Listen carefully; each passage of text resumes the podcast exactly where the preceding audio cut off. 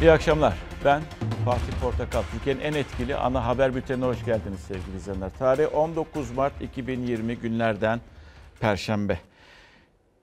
Geldiğimiz nokta, geldiğimiz nokta çok fazla artık soruların sorulduğu bir nokta. Kime? İşte kendi ülkemizden bahsediyoruz ve dünyadaki bir e, e, sorundan bahsediyoruz. Kendi ülkemizi ayırt edemeyiz veya ayrı tutamayız. Dünya ile ilgili sorduklarımız var ama ülkemizle de artık ilgili sordu, soracak sorularımız var. Bugünden sonra belki daha fazla bu soruları sormaya başlayacağız. Muhataplarına daha fazla soru sormaya başlayacağız. Ve bugün bülteni izlerken birçok haberde soru göreceksiniz. Soru işaretini göreceksiniz. Soru soruyoruz çünkü ve o soruyu sorduğumuzda da bunun cevabını yurttaş olarak, yurttaş olarak hepimiz yetkililerden bekliyoruz sevgili izleyenler. Çok soru. Haberleri izledikçe çok sorunun çok sorunun kafanızda oluştuğunu göreceksiniz. Tabelada çok soru bu akşam için. Ve geldik ve geldik. Ee, önce Ankara'ya gidiyoruz. Önce Ankara'ya gidiyoruz. Engin karşımızda ilk defa birinci haberde Engin'le bağlanıyoruz sevgili izleyenler. Ee, çünkü koronavirüsü bugün de çok tartışıldı. Yarın da çok tartışılacak. Bundan sonra da çok tartışılacak. Engin karlı bir Ankara günü, soğuk bir hava. Ee, mümkün olduğunca az tutmaya çalışacağım seni. Öncelikle e, son Diyanet'ten ve Diyanet'ten ve e, spordan gelen haberler var. Onları bizimle paylaşabilir misin?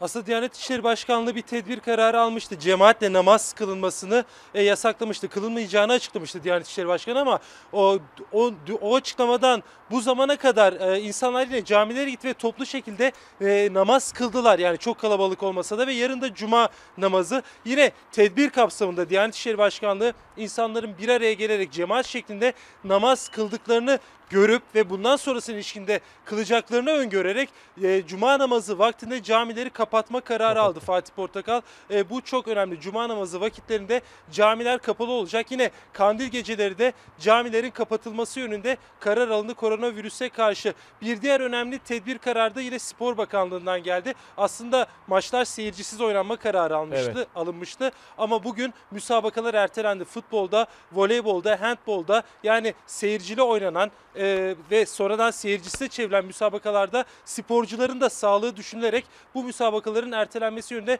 karar Peki. verildi. Aslında bu konuda tabii sporcuların günlerdir altını çizdiği Fatih e, bir noktaydı bu. İsyan günlerde. ediyorlardı artık bizim Evet bizim canımız yok mu diye çünkü tamam taraftarlar gelmiyor ama futbolcular da ve bu sporlar temas sporları e, Doğru. onlar da hastalık Doğru. kapar endişesini taşıyorlardı. E, sonunda Spor Bakanlığı bugün federasyonla da e, Evet. bir toplantı yaptı ve bu kararı aldı. Müsabakalar süresiz ertelendi. Ne zaman başlayacağı yönünde bir bilgi yok. Bunlar Ankara'da bugün e, sıcak e, tedbirlerdi, sıcak açıklanan tedbirlerdi. Evet, şimdi Engin bir- birazcık daha beklemeni rica ediyorum. Habere gireceğiz öncelikle çünkü e, hem sayı vereceğiz, vaka sayısını, hasta sayısını ve hayatını kaybedenler. Ondan sonra da e, bugünün çok tartışılan bir ismi Aytaç Yalman'ın rahmetli oldu. Allah rahmet eylesin. Onu biz seninle irdelemeye çalışacağız, bir konuşacağız. E, şimdi e, tabii merak ediyorsunuz hasta sayısı ne kadar diye.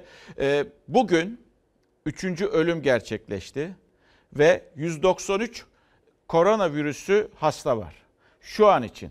Ha bunun nasıl bir grafik olduğunu görmek istiyorsanız şöyle bir grafik sevgili izleyenler. 11 Mart'ta başladı bir kişiyle. Daha sonra 5, e, 14 Mart'ta 6, 15 Mart'ta 18, 16 Mart'ta 47, 98 oldu 17 Mart itibariyle ve bugün itibariyle 193 kişi. Yani iki katı. Yani aslında bu ne anlatıyor biliyor musunuz? Gelecek günlerin kolay olmayacağını. Dört gün önce eski GATA denilen hastanemize müracaat ediliyor. Daha önce koah tanısıyla takip edilen bir hasta. 6 saat sonra da eks kabul ediliyor. Bu anlamda hayatını kaybeden vaka sayımız 3 kişi olmuş oldu. 8 günde 193 kişiye ulaştı vaka sayısı. Hayatını kaybedenlerin sayısı ise 3. Bir gece önce 61 yaşında bir erkek hastanın hayatını kaybettiğini açıklayan Sağlık Bakanı Koca, 3. kaybında pazartesi günü tedavi gördüğü hastanede vefat eden 79 yaşındaki eski Kara Kuvvetleri Komutanı emekli Orgeneral Aytaç Yalman olduğunu muhalefetin sorusu üzerine açıkladı. Şüpheli vakalar niçin açıklanmıyor? Eski Kara Kuvvetleri Komutanı Aytaç Yalman'ın ölümü koronavirüsle olduğu söyleniyor. Sayın Bakan'ın bütün bunları açıklaması gerekiyor. O dönemde yapılan testte negatif çıkıyor. Eşi dahil pozitif çıkanlar oldu. Bu pozitif eşi ve yakınlarında çıkması nedeniyle de kim arkadaşlar bunu koronavirüs olabilir şeklinde yorumladılar. Koronavirüs başlığıyla özel oturum yapıldı genel kurulda. Milletvekilleri aralıklı oturdu. Sağlık Bakanı Fahrettin Koca alınan tedbirleri atılacak adımları anlattı. Muhalefet ise aklındaki soruları gündeme taşıdı. Virüsün görüldüğü ülkelere uçuşlara yasak koyduk. Sınır komşularımızın virüsle mücadelesinin zafiyet içinde olduğunu görerek kara sınır kapılarımızı kapattık. Sınırlarımızı kapatmak için neden Şubat ayının sonuna kadar bekledik? Eğitime, öğretime ara verilmesin, verilmemesinden doğacak risklerin, camilerimizde oluşan kalabalıktan doğacak tehlikelerin farkına varılması neden bu kadar çok zaman almıştır? 25-30 sisilik kolonyayla bir iki maskeyle bu iş çözülmez. Yapacağınız iş yeterli sayıda solunum destek cihazı almak, yoğun bakım üniteleri açmak, 13.211'i ileri düzeyde olmak üzere toplam 25.466 erişkin yoğun bakımı kapasitemiz söz konusu. yeterli solunum destek cihazı var mı? Yeterli tıbbi cihazlar var mı? Ne kadar laf atarsanız atın. Bir kulağımdan girer, bir kulağımdan çıkar. Sorular acıdır, sizi rahatsız ediyor olabilir. Türkiye'de günde 2250 kişi ölür. Yıllık ölüm sayısı 850 bindir. Tabii ki hiç kimse ölmesin. Ama bu da hayatın bir parçasıdır. Önce önlem almamız lazım, tedbir almamız lazım. Yaygara yapmanın bir alemi yok. İran Kum kentine karantina uygulamadı diye suçlarken neden kendi ülkemizde hangi kentte ne kadar vaka var açıklamıyorsunuz? Yani her detay açıklanmayabilir. Ama biz şeffaflığın olması gereken seviyede olduğunu başından beri görüyoruz. Eski Sağlık Bakanı da yanıt verdi muhalefetin sorularına. Fahrettin Koca bakanlığın tedbirleri aldığını vatandaşların da üzerine düşeni yapması gerektiğini söyledi. Zorunlu olmadıkça dışarı çıkmayın uyarısını yineledi. Şimdi e, az önce e, AK Partili milletvekili eski Sağlık Bakanı'nın sözü önemli. E, şeffaflık konusunda olması gereken seviyedeyiz dedi şeffaflık konusunda. Ancak şeffaflığa halel düşürülmemesi gerekiyor. Özellikle Sağlık Bakanı'nın düşürmemesi gerekiyor. Çünkü ona inanıyoruz. Çünkü siyasetten gelmiyor kendisi. Atama yoluyla geldi. Bu iş hekimi, e, hekim aynı zamanda doktor, siyaseti e, alakası olmayan bir kişi ve bakan olduğu için değil doktor olduğu için siyasetçi ol ya siyasetçilere ne kadar gönül var derseniz çok fazla yok. Dışarıdan atanan bir doktor olduğu için ben ona şeffaflığına inanıyorum, güveniyorum. Geçtiğimiz günlerde de zaten e, iyi yapıyor diye de söylemiştik. Ama şeffaflığa acaba halel mi geliyor? Neden diyeceksiniz? Bakınız bakan açıkladı 191 dedi. Ve daha sonra Saygı Öztürk dün akşam e, Aytaç Yalman'ın vefatını paylaştı. Eşini paylaştı. Korona şüphesiyle dedi şu anda hastanede dedi. Bunu kimse paylaşmadı. Ne bakanlık paylaştı ne Fahrettin Bey paylaştı. Hiç kimse paylaşmadı. Biz bunu gazeteci Saygı abiden öğrendik. Ve koronadan öldüğünü öğrendik. Biz bugün bu haberi girelim mi girmeyelim diye öğle saatlerine kadar e, doğrulatmaya çalıştık. Hiçbir kimse açıklama yapmadı. E, ne Milli Savunma Bakanlığı'ndan ne Genelkurmay Başkanlığı'ndan ne başka yerden ve sonrasında mecliste bu konu işte meclisin önemi de bu zaten. Mecliste bu konu gündeme geldi. Bakan Bildiği halde paylaşmamıştı. Fahrettin Bey bizlerle paylaşmıyordu. Mecliste vekillerin önünde paylaşmak zorunda kaldı. Şeffaflığa lütfen halel getirmeyiniz. Çünkü e, önemli. Neden? Hepimizin sağlığıyla, toplum sağlığı açısından çok çok önemli. İşte e, Aytaç Yalman bir dönemin e, e, Kara Kuvvetleri Komutanıydı, emekli e, ve e, hayatını koronadan kaybetti. Şimdi Engin'e gideceğiz. Ee, Engin karşıda yine bizi bekliyor. Engin e, bugünkü o e, haber trafiği içerisinde senle de defalarca konuştuk hatta arkadaşlarla da girelim mi girmeyelim mi doğrulatalım mı doğrulatmayalım mı diye. Şunu e, bundan sonra ne düşünüyorsun tecrübeli bir gazeteci olarak Ankara gazetecisi olarak şeffaf olarak devam edecek mi Fahrettin Bey Fahrettin Koca aynı şeffaflıkta devam edecek mi? Çünkü ister istemez bu Aytaç Yalman olayı insanların kafasında soru işareti yaratıyor. Ne diyorsun? Ee, Yani bugüne kadar e, Sağlık Bakanı'nın şeffaf olduğu yönünde en azından bir kanaat herkeste oluştu. Bugüne kadar yapılan açıklamalarda en azından vaka sayılarını gece yarısı da olsa hep gece yarısı açıklıyor ama vaka sayılarındaki artışı duyurdu, ölümleri duyurdu. Şimdi Aytaç Yalman e, konusu tabii kafaları karıştırdı. Dün Saygı abinin, Saygı Öztürk'ün e, koronavirüsten hayatını kaybetti açıklamasından sonra Sağlık Bakanlığı'ndan bir açıklama yapılmadı. E, Milli Savunma Bakanlığı'ndan bir açıklama yapılmadı. Hastane bir de e, eski Kara Kuvvetleri Engin. Komut Onu not düşelim. Eski GATA olarak Şimdi adlandırılan. has- evet, evet Evet. Onun, onun altı onun altını çizeceğim şimdi özellikle ama şimdi eski kara kuvvetleri komutanı yani bir kuvvet komutanı ve onun bir cenaze töreni yapılması gerekiyor ki biz e, kuvvet komutanlarına nasıl bir cenaze töreni yapıldığını biliyoruz bugüne kadar kadarki örneklerinden. Hatta geçtiğimiz günlerde yine 28 Şubat'ın komutanlarından Hikmet Köksal'ın cenaze töreni vardı. Evet. Orada Milli Savunma Bakanı Hulusi Akar vardı. Eski Genelkurmay Başkanı İlker Başbuğ vardı. Yani geniş katılımlı komutanların, emekli, muvazzaf komutanların katıldığı törenler düzenleniyor. Ama Aytaç Yalman'ın hiç böyle bir cenaze töreni yapılmadı. Bir kere zaten Saygı Öztürk bunun da altını çizmişti. Tabii. Sessiz sedasız defnedildi. Acaba bir şey mi gizleniyor Evet. diye. Şimdi ilk hastaneden Aytaç Yalman'ın tedavi gördüğü, yatırıldığı ve hayatını kaybettiği eski GATA, İstanbul'daki GATA, eski GATA'dan e, bir açıklama geldi. E, süreç anlatıldı ve eşine pozitif teşhisi, koronavirüs pozitif teşhisi konduğu için Aytaç Yalman'ın da koronavirüsten öldüğü kanaati e, duyulmuştur, kanaati görülmüştür dedi. Şimdi burada ince bir nokta var. Aytaç Yalman'a bir test uygulanmış, tedavi sürecinde ancak negatif çıkmış. İlk anda e, negatif çıkmış, sonradan ikinci bir test uygulanmamış tabii hayatını kaybetti. Eşine uygulanan testin pozitif çıkmasından dolayı onun da koronavirüsten öldüğü yönünde bir kanaati hastane açıkladı. Bugün muhalefet gündeme getirince Sağlık Bakanı'nın açıklamasıyla resmiyete dönüştü. Aynen. Fatih Portakal bunu özellikle çizmek, Yani altını şunu çizmek lazım. Engin, bir Çünkü koy. test poz- özür Sen bitir ondan sonra söyleyeyim. Özür dilerim sözüm kestim. test yani yapılan test pozitif çıkmadığı için resmiyete dökülmemişti. Buradan bunu anlıyoruz en azından ama Sağlık Bakanı açıklamasıyla resmiyete dönüştü.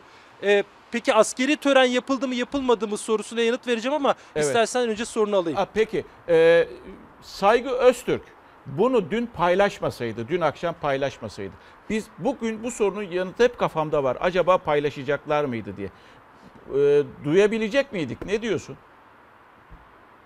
Düşüncen sadece. Yani e, çok sanmıyorum açıkçası eski Kara Kuvvetleri Komutanı. Çünkü e, cenaze definin işlemlerindeki bir belgede sosyal medyaya da düştü o belge. Resmi belgede vefat nedeni belirtilmemiştir diyor. Yani çünkü resmiyet olmadığı için koronavirüs teşhisinde orada bir e, belirti yok. Yani ben çok açıklanacağını da sanmıyorum açıkçası. Eski Kara Kuvvetleri Komutanı Aytaç Yalman vefat etmiştir diye ya da defnedilmiştir diye bir e, açıklama yapılırdı. Törenden bir de tabii evet. cenazesini cenazesinin sessiz sedasız defnedilmesi konusu Fatih Portakal Evet. altını çizdik. Kuvvet komutanlarının nasıl defnedildiğini. Şimdi bir tören düzenlendi. Benim ulaştığım kaynaklar bir cenaze töreni düzenlendiğini söylüyorlar. Askeri bir tören düzenlendi. Hatta Kara Kuvvetleri Komutanı Orgeneral Ümit Dündar da cenaze töreni Aytaç Yalman'ın cenazesine katıldı. Yine 1. Ordu Komutanı da e, katıldığını biliyoruz. Benim ulaştığım kaynaklar bugün bunu gün içinde teyit ettirdim. Onlar cenazeye katıldılar. Kara Kuvvetleri Komutanı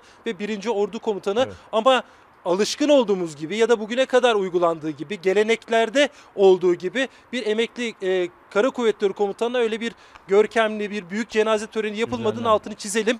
Ama askeriyeden Türk Silahlı Kuvvetleri'nden de üst düzey katılım olduğunu belirtelim. Peki Engin çok teşekkür ediyorum. Soğuk Ankara akşamında e, bizi aydınlattığın için çok teşekkürler. Ve bakın şunu bir hatırlatmak gerekiyor. Sağlık Bakanı Fahrettin Bey. Siz hekimsiniz ve bir şeffaflık içerisinde e, uzun bir zamandır biz yurttaşları bilgilendiriyorsunuz. Lütfen bu şeffaflığa aynen riayet ediniz. Çünkü gölge düşmesin. Çünkü toplum sağlığı, e, toplum sağlığı önemli. Bu insanlar size güveniyorlar. Bizler size güveniyoruz. Şeffaflığınıza, samimiyetinize bu konuda, bu konuda, bu korona belası konusunda size güveniyoruz. Ve lütfen şeffaflığın üzerine bir gölge düşürmeyiniz. Çünkü hepimizin sağlığı çok e, önemli. Hepimizin sağlığı e, geleceğimizi ilgilendiriyor. Ve gelelim dünyaya bakacağız. Dünyada neler oluyor onlara bir göz atacağız. E, koronada e, bunun neydi? Var mı şey? Ha, dünyada e, Avrupa, Amerika, işte e, Orta Doğu. E, şöyle bir baktığımızda e, üzülerek söylüyorum. Korkutmak için söylemiyorum. Ama gerçekleri de göstermek zorundayız. Özellikle Avrupa'da ölümler artıyor, ölümler artıyor, vakalar da artıyor.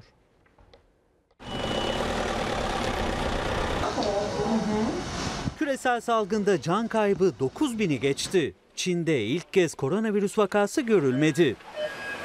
Yeni tip koronavirüs COVID-19 İtalya'da 475 can daha aldı. Hayatını kaybedenlerin sayısı 3000'e yaklaştı. Morglarda yer kalmadı. Salgından en çok etkilenen Bergamo kentinde askerlerin tabut taşıdığı görüntüler dikkat çekti. Korkutan açıklama Başbakan Conte'den geldi. Conte, salgının birkaç gün içinde zirve noktasına ulaşacağını, ardından gerilemeye başlamasını umduklarını söyledi. İtalya'ya Çin yardım eli uzattı. Pekin yönetimi 37 doktor ve 20 ton sağlık ekipmanı gönderdi. İtalya'nın ardından en kötü durumdaki İspanya'da can kaybı 767'ye yükseldi. Almanya'da da durum kötüleşti. Ölü sayısı 34'e ulaştı. Vaka sayısı 12 bini aştı. Başbakan Merkel, ülkenin içinde bulunduğu durumu 2. Dünya Savaşı'ndan bu yana en büyük kriz olarak tanımladı. Eğer tüm vatandaşlar üzerine düşen görevleri uygularsa başarılı olacağımıza inanıyorum. Ben bu durumu ciddiye alıyorum. Lütfen siz de ciddiye alın. Tedbir almakta geciktiği için eleştirilen İngiltere'de salgınla yüzleşmek zorunda kaldı. 103 can kaybının ardından okullar tatil edildi. Metro hatları kısmen kapatıldı. Başkent Londra'nın çeşitli noktalarına geçici morg çadırları kuruldu. 264 kişinin yaşamını yitirdiği Fransa'da 15 günlük sokağa çıkma yasağının uzatılması gündeme geldi. 147 vaka tespit edilen Rusya'da ilk ölüm gerçekleşti. Sınır komşumuz İran'da 149 kişi daha hayatını kaybetti. Can kaybı 1284 oldu. Sağlık Bakanlığı sözcüsü her 10 dakikada bir kişinin hayatını kaybettiğini duyurdu. Kuzey Kıbrıs Türk Cumhuriyeti ise yurt dışı girişlerini durdurdu. Salgın Amerika Birleşik Devletleri'nde de hız kesmedi. Can kaybı 155'e çıktı. Vaka sayısı 9500'ü aştı. Başkan Trump, virüsle mücadele için 150 milyar dolarlık acil yardım paketini onayladı. Pakette ücretsiz koronavirüs testi ve ücretli hastalık izni de yer aldı. Önlemler bununla da sınırlı kalmadı. Bin kişilik iki hastane gemisinin New York'a demirlemesine karar verildi. Ayrıca stoklardan binlerce solunum cihazı istendi. Çin'in salgınla mücadelesi sonuç verdi. Vaka sayısı sıfırlandı. İlk kez ülke içi kaynaklı Covid-19 vakası görülmedi. Sadece yurt dışından gelen 34 Çinlinin virüs taşıdığı açıklandı. Singapur ve Güney Kore'de yurt dışından gelenlerde virüs görülmesi Asya'da ikinci dalga salgın endişesine neden oldu. Ya bakınız bir e, bilgi vereceğim sizlere. İngiltere'de e, St. Andrews Üniversitesi'nde enfeksiyon hastalıkları ve viroloji uzmanı Doktor Müge Çevik'in bir açıklaması vardı. E, dünya basınında da yer aldı bu. Türkiye'de de paylaşıldı. Lütfen dikkat ediniz cümlesine. 18 ay içinde nüfusunun çoğunun enfekte olacağını ve 80 milyon kişinin hayatını e, 80 milyon kişinin hayatını kaybedebileceğini hesaplayanlar var diye bu şekilde yani 80 milyon e, 80, 18 ay içinde dünya nüfusunun çoğunun enfekte olabileceğini o dünya nüfusu içerisinde de 80 milyon kişinin hayatını kaybedeceği gibi bir projeksiyon da e, tutuyor bilim adamları. Böyle öngörüler de var. İşin ehemmiyetini anlatmak için size söylüyorum. Çünkü birazdan Sayın e, Koca'nın söylediği söz vardı. Vatandaş ne, ne derece önemsiyor diye. Birazdan o haberlere de geleceğiz, paylaşacağız. E, gerçekten önemsiyor mu? Bir onu göstereceğiz sizlere.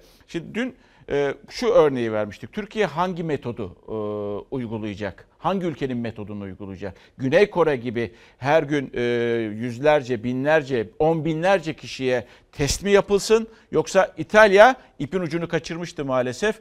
Yeni yeni yakalamaya çalışıyor. Artık o da ne kadar yakalarsa ve az testten dolayı da insanlar e, sıkı yönetim ilan edildi. Özür dilerim sokağa çıkma yasağı ilan edildi ve e, orada vaka sayıları, ölüm sayıları da fazla çoğalıyor. İşte bugün bunun kararı da verildi aslında. Çünkü mecliste bilgilendirme e, toplantısındaydı veya meclisi bilgilendirdi Sağlık Bakanı Fahrettin Koca. Aklın yolu testten geçiyor. Onu anladık. Yani Türkiye yapabildiği kadar fazla test yapacak. Bugüne kadar şu an 10 bini geçen test yaptık. Fakat önümüzdeki günlerde bu test sayımızı çok artacağını düşünüyoruz. Çünkü görülen vakaları tarama durumunda özellikle oluyoruz. İlk koronavirüs vakasının görüldüğü 11 Mart'tan bugüne kadar yapılan test sayısını açıkladı Sağlık Bakanı Fahrettin Koca ve stratejinin artık değiştiğini söyledi. Hedef günde ortalama 15 bine yakın kişiye test uygulamak. Güney Kore'de olduğu gibi. Önümüzdeki 1-2 gün içerisinde hızlı tanı kiti devreye girmiş olacak. Hedefte günlük en az 10-15 bin yapabilir hale gelmek istiyoruz. Güney Kore çok başarılı oldular. Niçin? Test yaptılar, hastayı tespit ettiler, izole ettiler. Dünya Güney Kore'yi konuşuyor koronavirüsle mücadele modelini. İlk günlerde İtalya'nın 3 katı kadar vaka sayısı olan ülkedeki koronavirüs hasta sayısı bugün İtalya'nın üçte biri kadar. Uzmanlara göre nedeni test uygulamasının yaygınlaşması. Güney Kore'nin yaptığı kadar geniş yapmak hani eğer çok imkanınız varsa hani yapabilirsiniz. Güney Kore'de günde 20 bine yakın kişiye test yapılıyor. 50 milyon nüfusa sahip ülkede 300 bine yakın kişi taramadan geçirildi. Güney Kore ile aynı gün vaka görülen 350 milyon nüfuslu Amerika'da bugüne kadar uygulanan test sayısı ise 60 bin. Türkiye'de ise yaklaşık 10 bin kişiye test uygulandı ama hedef artık günde 15 bin. Yani Güney Kore modeli. Kimlerden ne zaman hangi durumda test yapılması gerektiği algoritmasını belirten bilim kuruluydu. Şüpheli olan her vakadan alabilme noktasında bir algoritmaya gelindi. Bizim filyasyon dediğimiz bulaşıcılığı önlememiz gerekiyor. Sağlık Bakanı Fahrettin Koca, Türkiye'nin de Güney Kore modeline geçeceğini, test yapılan kişi sayısının artırılacağını bu cümlelerde duyurdu. Hızlı tanı kiti birkaç gün içinde devreye girecek. Üniversite hastaneleri de test yapmaya başladı.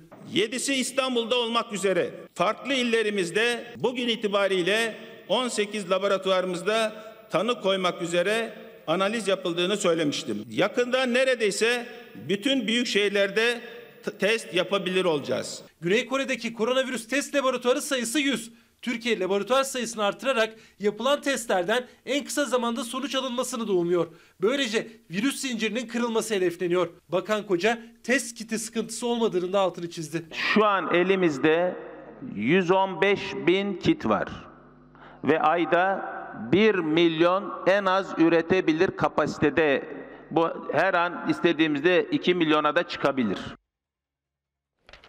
Şimdi e, burada bakıyorsunuz yine bakanı dinliyorsunuz işte e, hızlı kitlerin bir önce devreye gireceğini söylüyor e, ve hemen uygulanacağını söylüyor. Sayıyı duydunuz 10 binlerle ifade ediliyor yapılacak test sayısı. İçişleri Bakanlığı'ndan bir açıklama var Süleyman Soylu'dan 9800 kişiye umre dahil karantina uygulamamız var.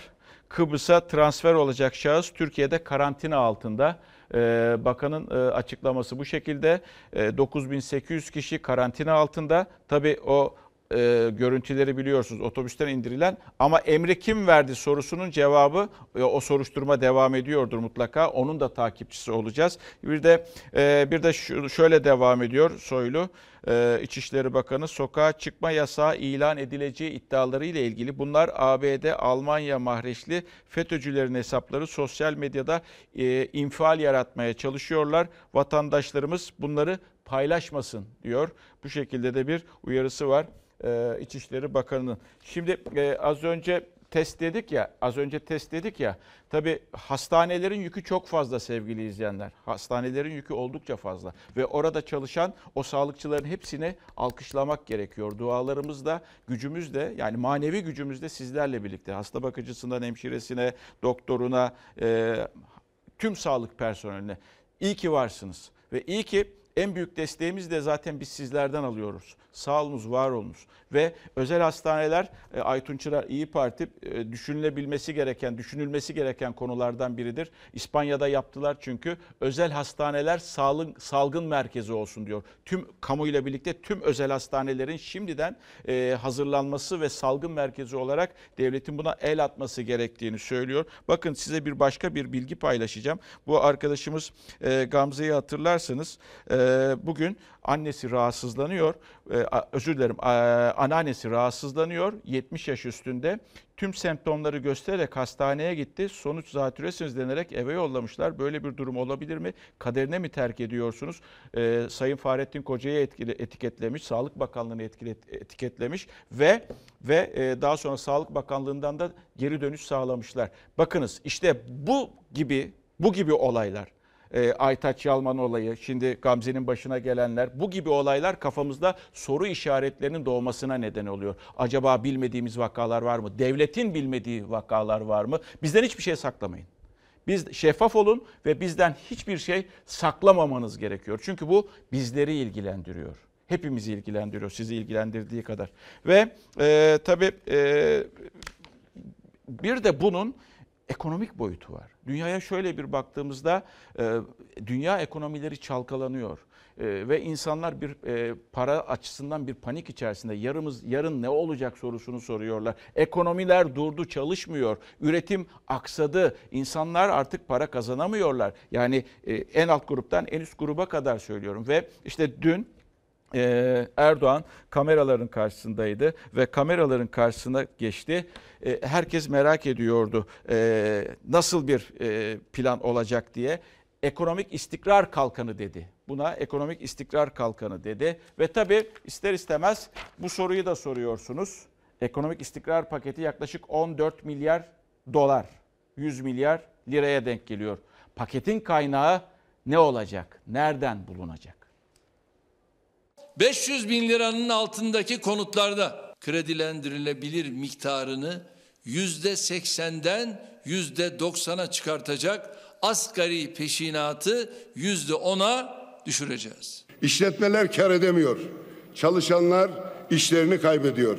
Siz bu insanlara ev almanız için size kolaylık sağladık diyorsunuz. Cumhurbaşkanı 18 sayfalık konuşmasında 19 maddede virüsün ekonomiye etkisini azaltacak tedbirler açıkladı. Yeni günde muhalefet eleştirilerini sıraladı. Esnaf ve sanatkarların Halk Banka olan kredi borçlarının ana para ve faiz ödemelerini 3 ay süreyle ve faizsiz olarak erteleyeceğiz. Kapanan dükkanın vergisini erteleyerek sadece bunu yaparak piyasayı canlandıracağını zannediyor. Dünya virüsle mücadele ederken salgın ekonomideki tahribatını azaltmanın formülünü arıyor. Cumhurbaşkanı başkanlığında aralarında işveren, işçi, esnaf temsilcilerinin bankalarında olduğu geniş katılımlı bir zirve gerçekleşti. Perakende, AVM, demir çelik, otomotiv, muhtasar ve KDV tevkifatı ile SGK primlerinin Nisan, Mayıs ve Haziran ödemelerini 6'şer ay erteliyoruz. Neşen yerinde. Cumhurbaşkanı Erdoğan, Türkiye Odalar ve Borsalar Birliği Başkanı Rifat Hisarcıklıoğlu'na seslendi bu cümleyle. Tedbir paketiyle neşen yerinde dedi. Ama açıklanan maddeler işçi ve muhalefeti memnun etmedi. Paketten çalışanlara, çiftçilere, küçük esnaf ve sanatkarlara derde deva, dişe tokunur hiçbir tedbir çıkmadı. İç hava yolu taşımacılığında 3 ay süreyle KDV oranını %18'den %1'e indiriyoruz. Millet uçağa binip gezecek mi yoksa temizliğine dikkat edip evinde mi oturacak? Vatandaşlarımız için uygun ve avantajlı şartlarda sosyal amaçlı kredi paketleri devreye alınmasını teşvik edeceğiz. Bir Macron kadar olamadılar. Çıkıp hiçbir esnafın bu krizde batmasına izin vermeyeceğiz diyemediler. Fransa'da şirketlere 300 milyar euroluk banka kredisi ayrıldı. Küçük şirketlerin gaz ve elektrik faturalarıyla kiraları askıya alındı. Almanya 614 milyar, İspanya 200 milyar euro büyüklüğünde paket açıkladı. Amerika Birleşik Devletleri 850 milyar dolarlık teşvik paketi için harekete geçti. Cumhurbaşkanı Erdoğan ise açıkladığı tedbir paketinin 100 milyar liralık yani yaklaşık 14,2 milyar dolarlık olduğunu söyledi. Amerika Birleşik Devletleri tüm vatandaşlarının cebine 1000 dolar koymaya hazırlanıyor. İhtiyaç sahibi ailelere yapılacak nakdi yardımlar için ilave 2 milyar liralık bir kaynak ayırıyoruz. Toplam harcamaların etkisi 3 milyar lira bile etmez. E gerisi vergiye, SGK birimine, borçlara takla attırıp işvereni bir süre rahatlatmak. Yani yine aspirin, tedavisi yine pansuman. Paketin kaynağı ne olacak? Para nereden bulunacak? Çok konuşulan bir konu. Çünkü neticede e, bazı ertelemeler var, KDV vesaire gibi işte vergi indirimleri var, vergi muafları var, KDV muafları var. E, bir kaynağın bulunması gerekiyor. Bugün e, Berat Albayrak, Hazine ve Maliye Bakanı bir programa katıldı. Burada paketin kaynağı ile ilgili bir risk görmüyoruz dedi. Tek cümle bu ama kaynak nereden gelecek sorusunun cevabı henüz bulunmadı. Bakın dünya ülkeleri neler yapıyor? Bir ona bakalım. Dünya ülkeleri neler yapıyor? Ne kadar bütçe bütçe ayırmışlar ona bakacağız. Koronavirüsüyle mücadele için ayırdıkları para. ABD 850 milyar dolar ayırdı ABD e, kendi ülkesinde. Fransa 300 milyar euro aşağı yukarı e, benzer bir dolara e, yakın bir miktar 300 milyar euro. Almanya 614 milyar euro ayırdı. İspanya ülkesinde koronavirüsüyle mücadele için ekonomide dahil olmak üzere 200 milyar euro ayırdı. Türkiye 14.2 milyar dolar ayırabildi sevgili izleyenler. 14.2 milyar dolar ki ki e, kaynak sorusu da çok tartışılıyordu. İşte bakın eğer yedek akçeyi, yedek akçeyi, yedek akçeyi birazdan anlatacağım sizlere. Eğer o yedek akçe e, harcanmasaydı zamanda belki buraya destek olacaktı. Ne var ki işçilere de bir bakalım. Çünkü işçi sınıfı veya işçi sınıfı değil çalışanlar, çalışan sınıflara bakmak gerekiyor. Ee, onlar da taleplerini vermek istiyorlardı, iletmek istiyorlardı. İşte e, disk, KES gibi sendikalar dün çağrılmadı. Çağrılmadıkları için de veryansın ediyorlar zaten. Çalışanlarsa, çalışanlarsa açıklamaların sonrasında, Erdoğan'ın açıklamalarının sonrasında hayal kırıklığına uğradı. Biz de yarın kapatacağız mağazamızı. Burada kaç kişi çalışıyor? Şu an iki kişi çalışıyor. Benle birlikte üç kişi. Çalışan iki kişinin maaşını ödemeye devam edecek mi? Ee, devletten, e, hükümetten haber bekliyoruz. Cumhurbaşkanı tarafından açıklanan ve ekonomik istikrar kalkanı olarak ifade edilen koronavirüs salgınına karşı önlemler paketinde ne yazık ki açıklanan önlemlerin sermayeye, işverenlere kalkan olduğunu ama işçiye, emekçiye, işsize herhangi bir düzenleme olmadığını görüyoruz. Çalışanın da onun maaşını ödeyen işverenin de gözü kulağı Cumhurbaşkanı Erdoğan'ın açıkladığı ekonomik tedbir paketindeydi. Çünkü İçişleri Bakanlığı'nın açıklamasına göre 149.382 iş yerinin geçici süreliğine faaliyetlerine ara verildi. Bu da işsizlik endişesini beraberinde getirdi. Cumhurbaşkanının firmalara istihdam uyarısına rağmen bazı işletmeler işten çıkarmalara başlarken işçi paketten umduğunu bulamadı. Paketteki imkanlardan istifade edecek firmalar için ön şartımız istihdam kaybına yol açmamalarıdır. Elektrik faturası, su faturası, doğalgazı nasıl ödeyeceğim? Bunları herkes düşünüyor. Burası iki çalışanı olan bir ayakkabı dükkanı. Bugün her ihtimale karşı belki müşteri gelir diye açıldı ama gün boyu müşteri gelmeyince akşam itibariyle kapanma kararı aldı. Yarın açılmayacak. İşverense bir yandan kiraları, faturaları, kredisi derken çalışmadığı süre boyunca işçilerin maaşını nasıl ödeyeceğini düşünüyor. Hem disk olarak diğer konfederasyonlar katılmasına rağmen biz davet edilmedik. Hem de e, gerçekten işçiye, emekçiye dönük hiçbir düzenleme yok. Toplu işten çıkartmaların bu süreçte salgın boyunca işten çıkartmaların yasaklanması gerekir. Erdoğan başkanlığında toplanan koronavirüs koordinasyon kurulu masasında yer bulamayan DİSK'in ilk önerisi bu olacaktı ama toplu işten çıkarmaların yasaklanması talepleri karşılık bulmadı. Paketten sadece kısa çalışma ödeneği çıktı. Yani bu tür zor zamanlarda işsizlik fonundan işverene verilen maaş desteği. Cumhurbaşkanı Erdoğan'ın açıklamasının ertesi gününde Hazine ve Maliye Bakanı Bakanı Berat Albayrak rahatlatıcı bir ton seçerek anlattı detayları. Kısa çalışma ödeneği konusu. İşsizlik fonu bugünler için var. İşte bu çerçevede gerekiyorsa istihdamı tutma koşulundaki esnetilmesi. Diske göre işten çıkarmaları artarken işsiz kalma süresi de uzayacak. En fazla 10 ay ödenen işsizlik maaşı yetmeyecek. Pakette ise işsizlik maaşına ilişkin düzenleme yok. İşsizlik sigortası fonundan yararlanma koşullarının kolaylaştırılmasını, işsizlik ödeneğinin miktarının süresinin artırılması gerektiğini söylüyoruz. Gerek işte kısmi çalışmada gerek terafide gerek farklı destek teşvik mekanizmalarında bu var zaten. Ama oluşabilecek sektör bazında, talep bazında, işte süre bazında gelişmelere dayalı arttırılabilir, uzatılabilir, destek verilebilir. Bu tartışmasız. Çok dinamik bir süreç. Panik yapmaya gerek yok. Türkiye ve Bankalar Birliği de hem KOBİ'lerin hem de tüketicilerin kredi taleplerinin hızlıca karşılanmasını istedi. Ancak mevcut borçlara erteleme yok. Kredi kartı borçları, tüketici borçları, kredi borçları ile ilgili hiçbir düzenleme yok. İnsanların bir geliri olmazsa herkes aksatacak herhalde. Şimdi bakınız yukarıdaki miktarlar bu. Bir arkadaşımdan mesaj gelmiş.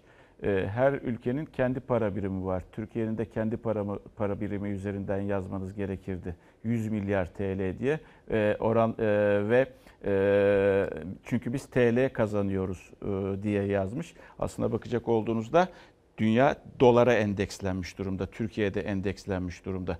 Ve şöyle yine kıyaslayabilmek için 100 milyar te- paranın değeri ve değersizliğiyle alakalı olan bir durum. 100 milyar veya 850 milyar doları diğerleriyle karşılaştırabilmek için aslında böyle bir dolar yapmak gerekiyordu. Aşağı yukarı 300 milyar euro veya 614 milyar eurolarda e, ABD dolarına denk gelecek vaziyette. Yani e, olayın bizim ayırdığımız bütçenin aslında azlığına bakmak gerekiyor. 100 milyar TL diyerek aslında büyük bir rakam gibi görebiliriz ama evrensel para birimi olarak baktığımızda ise 14.2 milyar dolar ancak ayırabiliyoruz. Şu an için ayırabiliyoruz o da. Önümüzdeki günlerde gidişata göre bu oran artacaktır diye düşünüyoruz. Bakın biz zamanında Merkez Bankası'ndaki o kefen parası olarak adlandırılıyordu ekonomide. ihtiyat akçesi olan paralar vardı o ihtiyat akçesi olan paraları tutabilseydik bu günler için, bu kara günler için. Çünkü dünyanın ne getireceğini, ne götüreceğini bilmiyoruz. İşte belki e, bir nebze olsun kaynak olacaktı açıklanan kalkan planına. Merkez Bankası kasasında kara günde kullanılacak tek bir delikli kuruş kalmadı. Genel bütçeye aktarılıp genel bütçeden kamu harcamalarının finansmanında kullanıldı. Muhalefetle ekonomist Yalçın Karatepe de aynı noktanın altını çizdi. Koronavirüse karşı ekonomik tedbir paketi açıklanırken tam da böyle dönemler için ayrılmış olan ama hazineye aktarılan ve kullanılan ihtiyat akçesini hatırlattılar. Ak akçe kara gün içindir. Oysa böyle dönemler için e, bir kenarda tutulması gereken bir paraydı. E şimdi ondan mahrumuz. Kasamız boş, yedek akçe yok. Hepsini kullanıp har vurup harman savurdunuz. Türkiye Cumhuriyeti Devleti'nin cebi delik, cepkeni delik bir hale düşmesine sebep oldunuz. Koronavirüs salgını nedeniyle alınan tedbirlerle esnaflar kepenk kapattı. Döviz kurundaki artış, istihdamdaki kayıp, üretimdeki düşüş yani ekonomik darboğaz Türkiye'nin de acil önlemler almasına sebep oldu.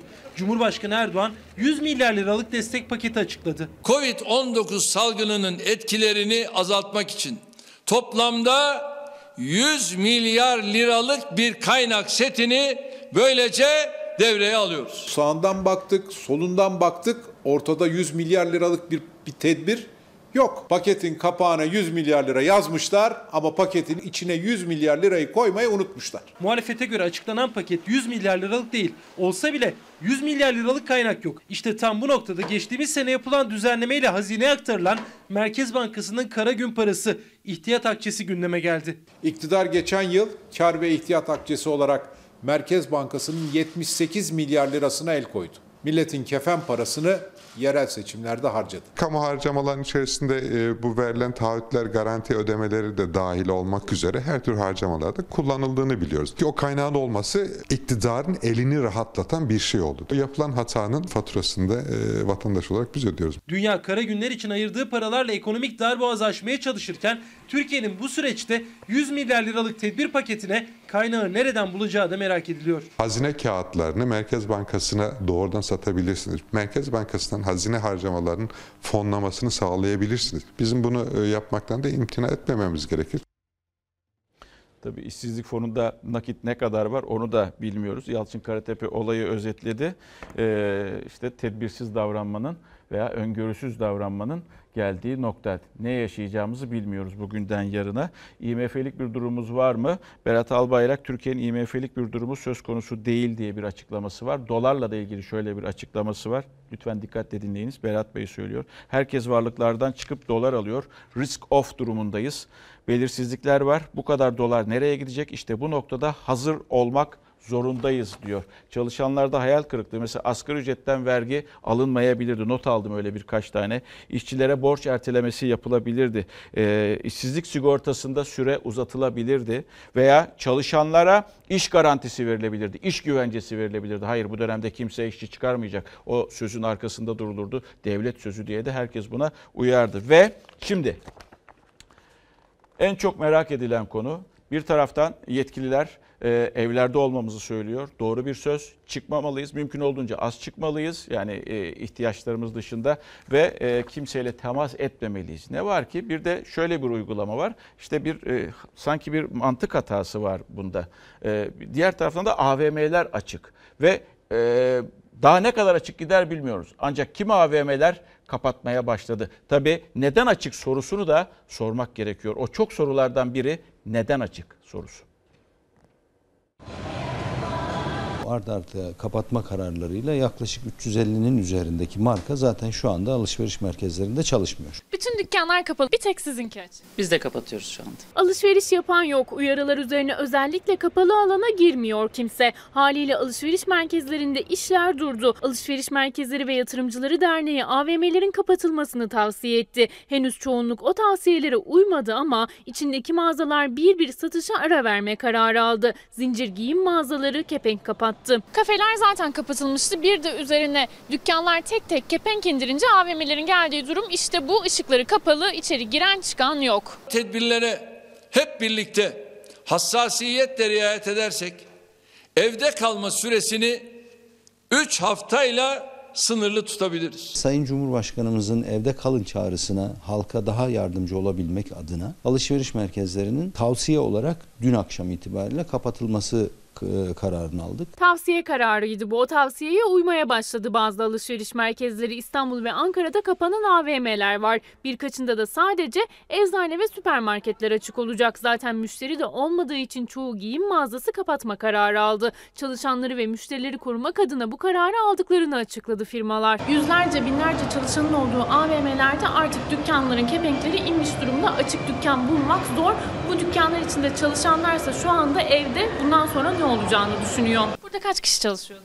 İki kişi, üç kişi çalışıyor. Ne olacak peki o süreçte çalışanlar? Maaşlarını almaya devam edecek Tabii tabii tabii. Ne kadara kadar devam edebilecek çalışmadan maaş ödeme? Bilemiyoruz. Sadece AVM'ler değil cadde üzerindeki dükkanlar da kapalı. Çünkü burası normalde tıklım tıklım çok işlek bir cadde. Ama alışverişe çıkan kimse olmayınca mecburen dükkanlarda kepenklerini indirdi. Tavsiye kararı temel gıda ve hijyen ürünlerinin satıldığı yerleri kapsamıyor. Bir vatandaş soruyor. İşsizlik maaşları uzatılsın. İşsiz olup işsizlik maaşları da bitenler ne olacak? Lütfen sesimizi duyurun diyor bir vatandaş göndermiş. E, tabii ne kadarlık bir süre öngörüyor hükümet onu da bilmiyoruz. Ama BCD planların olduğunu da söylüyorlar. Emeklilere de e, korona ile ilgili o paketin içerisinde bazı veriler vardı. En düşük emekli maaşı 1500 TL oldu. Emekli maaşınız nasıl? Çok düşük. Ne kadar mesela? 1230 lira. En düşük emekli maaşını 1500 liraya yükseltiyoruz. Ekonomi paketinden ceplerini rahatlatacak bir tedbir çıkacak mı? Emekliler merakla bekliyordu. Cumhurbaşkanı Erdoğan en düşük emekli maaşının 1000 liradan 1500 liraya çıkarıldığını açıkladı. Bir düzenlemede Mayıs ayında ödenecek olan bayram ikramiyelerine yönelikti. 1000 lira bayram ikramiyesi Nisan ayında ödenecek. 1500 liranın altında emekli maaşı olmayacak ihtiyaçlarını rahatlıkla giderebilsinler diye bayram ikramiyeleri ise bir ay erkene alındı. Sıkıntı yaşamasınlar diye. Yani öncelikli tedbirler en büyük risk grubunu oluşturan yaşlıları korumak ve kollamak için alınıyor. Hastaya bir hap, ilaç yani. 1500 lira tabii yeterli değil ama oran olarak e, iyi düzeyde. Yaklaşık 650 bin emeklinin maaşını buraya çıkararak bir kere gelir desteği noktasında destek var. Her ay yaklaşık 200 milyon lira daha çok para çıkacak devletin kasasından bir de emeklilerin beklediği banka promosyonları var. Bunun için de bankaya gitmeleri gerekmeyecek. Promosyonlar sözleşmeye olmaksızın yatacak. Bankaya gitmeden evden maaş alabilmenin ise şartları var. Kamu bankalarımız 76 yaş üzeri emeklilerimizin maaş ödemelerini isterlerse evlerinde yapacaklardır. Ben 72'yim. 3 sene sonra talep edebilirim. Erdoğan Bilim Kurulu'nun önerisiyle önce İstanbul ve Ankara'da başlatılacak çalışmayla 65 yaş üzerindekilere koruyucu maske ve kolonya dağıtılacağını da açıkladı. 1500 liraya çıkan en düşük maaşsa küçük bir nefes aldırsa da yetecek gibi değil emeklilere. Şu anda ben oturduğum yerde kira 1400 lira. Yaşlılarımızı koruyacak ve kollayacağız. Bu arada tabii merak ediyorsunuz. Öğrenciler merak ediyor. Üniversite sınavları ne olacak diye. Henüz daha belli değil. İşte ne kadarlık bir öngörü e, hesap ediyor. Devlet bilmiyoruz yönetenler. Bir ay mı, iki ay mı, üç ay mı bilmiyoruz. Ama ertelenme durumu o, olabilir. Şu anda ertelenmesine yönelik bir bilgi yok. E, diyeceksiniz ki ya bu, bu paralar nasıl ödenecek? Yedek akçe de gitti. Vergi gelir mi diye sormuş bir vatandaş. Korona belasından halledinceye kadar gelmez. Ama o bir şekilde halledeceğiz tabii. Dünya da halledecek, biz de halledeceğiz. Ama ondan sonra ek vergiler gelir mi? Gelebilir. Bir de faturalarla ilgili Berat Albayrak'ın bir sözü vardı. Elektrik, doğalgaz faturalarıyla ilgili filan. Ee, onlarla da ilgili fatura düzenlemesi yapmadık dedi. Gelen sorular var. Bu ödemeler ertelenebilir mi diye. Hayır şimdilik öyle bir düzenleme içerisinde değil hükümet. Ne yapıyoruz? Reklam mı? Reklam. Kapatıyoruz sevgili izleyenler. Bizden hemen sonra yeni bölümüyle Mucize Doktor dizisi ekranlara geliyor. İzleyebilirsiniz. Yarın daha mutlu, daha huzurlu, daha güvenli bir dünya ve tabii ki Türkiye'de buluşmak umuduyla. Hoşçakalın.